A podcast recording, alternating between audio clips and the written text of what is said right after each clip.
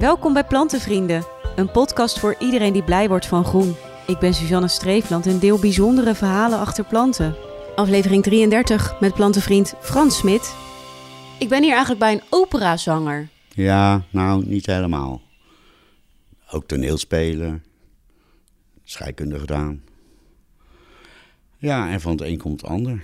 En op een gegeven moment uh, altijd wel geïnteresseerd in groen, hoor, daar niet van. Maar, nou ja, hoe moet je dat zeggen? Uh, nou, ik zou, dat is een gek verhaal eigenlijk. Dat heeft niet zoveel te maken met wat we eigenlijk echt over hebben. Ik heb heel lang berg geklommen met mijn partner. En het grappige was dat als mensen van tevoren hadden gezegd: jij gaat eens een keer op je buik liggen, kijken naar hele kleine bergplantjes, had ik ze voor gek verklaard.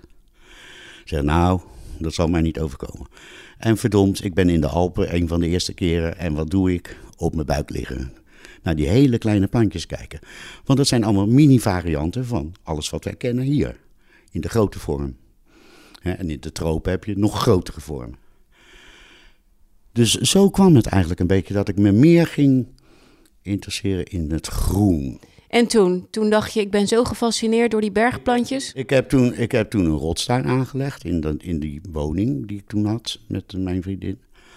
En daarna, ja, wat meer met die tuinen proberen te, ont, eh, te, te, veranderen in vorm.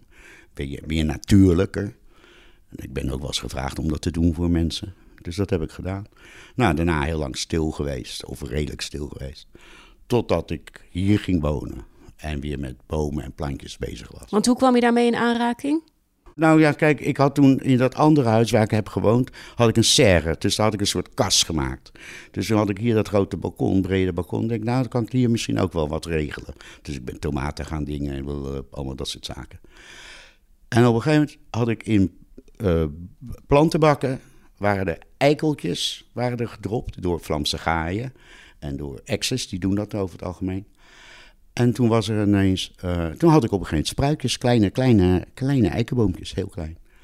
En toen dacht ik, oh, dat is leuk. Dus die heb ik uitgehaald, heb ik verpot, enzovoort, enzovoort, enzovoort. En op een gegeven moment was er iemand via internet of zo, denk ik. En die vertelde dat ze tamme kastanjes had en dat je dat kon halen, op kon halen bij haar huis. Dus ik heb haar gebeld. En toen uh, zei ze, nou, kom maar langs. Dus ik ben daar een kastanje wezen, tamme kastanje wezen halen, want die had ik dus niet. En toen uh, zei ik van, oh, dat is leuk zeg. En toen merkte ik dat ze mee bezig was met al die bomen aan het uitdelen. En toen zei ik, nou, weet je wat, ik zal een, uh, ik heb wat eiken, neem ik een eik mee. Maar die eiken die zijn uiteindelijk zich gaan ontwikkelen, natuurlijk, tot meerstammige eiken. En is dat bijzonder? Dat is redelijk bijzonder. Dat gebeurt. Kwekers die doen dat expres. En dat doen ze door, uh, als die heel klein is, te toppen. Waardoor die dus meer takken krijgen. En dan die takken die worden, die, die krijgen, die worden dan stam. En dus die originele stam die wordt eigenlijk weggehaald een beetje. En zo, regelen ze dat. Wat ze ook doen met berken bijvoorbeeld. Zetten ze heel veel berken bij elkaar, die binden ze aan elkaar. En dan gaan die wortels vergroeien aan elkaar. En dan heb je dus een meerstammige berk. Maar zoals struiken dat doen eigenlijk. Hè? Want dat zijn natuurlijk allemaal heesters. Bomen zijn ook heesters. En uh, tussen die meerstammige eik, dus ik met Charlotte van Cooldown City, die dat deed. Want dat was degene die, waar je... Dat was degene die, die uh, stammen kastanjes aanbood. En beuken en nog wat dingen. En allemaal veel, veel, maar allemaal heel klein, hè? zo, zo 10, 20 centimeter hoog. Dus op een gegeven moment was zij bezig met een uh, aanvraag voor subsidie en toen vroeg ze op wat hulp. Toen denk ik, nou, ik heb ook wel zoiets gedaan. Dus ik zal bellen. En zei ze ook oh, graag. Dus toen ben ik naar naartoe gegaan. Toen hebben we dat gedaan.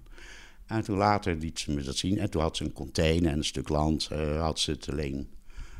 En toen, heeft toen zei ik van, nou, kan ik wat meer doen? Kan ik meer helpen? Nou, oké. Dus toen werd dat steeds groter, dat Cooldown City. Dus daar bemoei ik me nu mee.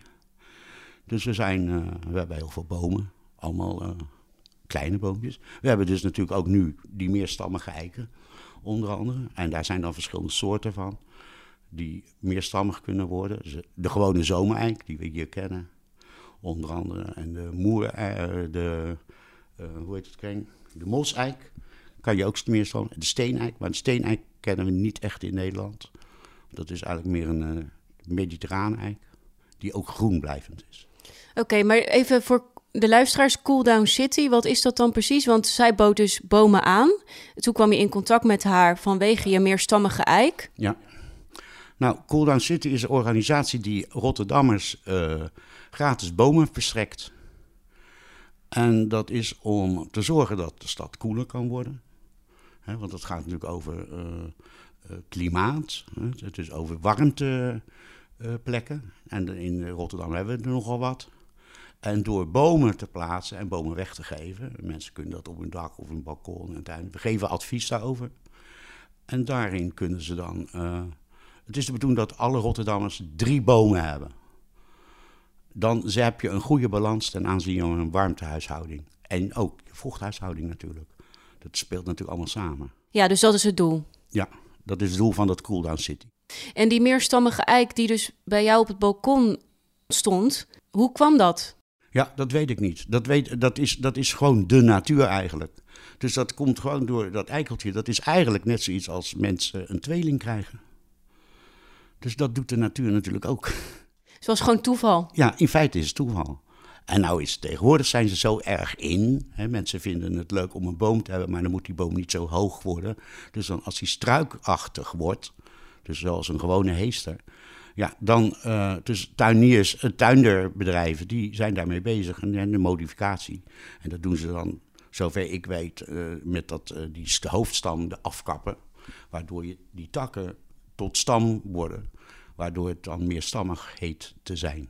Maar dan heb je een beetje getrukt. Ja, inderdaad. En dit was gewoon natuurlijk. Maar als zo'n boom dan ongeveer 20 centimeter is, hoe lang doe je er dan over voordat het echt een beetje een boom is zoals wij die kennen? Nou, kijk, zo'n boom die wordt natuurlijk sowieso niet zo hoog. Tenminste geen 40 meter of zo. Want het, hij krijgt natuurlijk een struikvorm. En zo weinig als je... Kijk, die bomen zoals wij bomen kennen, zo'n rechte stam... dat komt omdat we dat allemaal afsnoeien. Dus als je dat niet doet, dan krijgt hij sowieso meer ondertakken en wat dan ook. Dus dan krijgt hij al een struikprofiel. Als je dan die hoofdstam eruit haalt, dan heb je een struik. Dus dan, en die struik, ja, wat wordt die? 20 meter misschien? Op zijn hoogst, denk ik. Dat weet ik niet. Ik weet niet of daar ook veel informatie over is. Wat je ziet in de, in de commerciële wereld, dat er nou dat soort type bomen worden aangeboden, 2 meter hoog, gemiddeld. En verder, ja. Joost mag het weten. Ja, inderdaad. En als je nu kijkt naar jouw uh, groenfascinatie en vooral jouw bomen.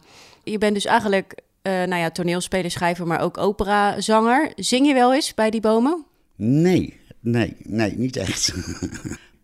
er is natuurlijk wel in de literatuur is er wel liederen. Ik ga het niet zingen hoor. Dat heet De Lindeboom. Dat is een heel beroemd lied. Dus er zijn wel de, het, het komt wel voor in de zangkunst. Maar jij doet dat niet? Nee. Ik heb dat lied wel gezongen ooit, maar ik ga het niet meer zingen. Nee, oké. En uh, je hebt ook nog een stekje meegenomen voor in de plantenbiep? Ja, nou het probleem is dat het stekje natuurlijk nu onder de sneeuw enzovoort staat. Dus dat moeten we dan later doen, want ik kan het nou niet goed eruit halen.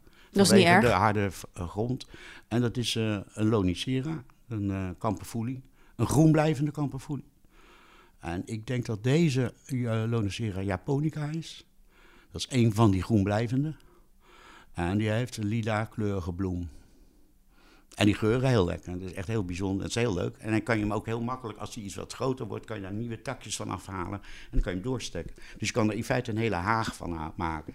En het groenblijvende haag met mooie bloemen in het eind van het seizoen.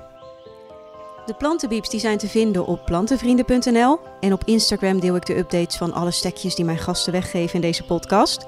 Heb je zelf een verhaal te delen? Dan kan je dat mailen naar podcast.plantenvrienden.nl. Leuk dat je luisterde en tot de volgende aflevering.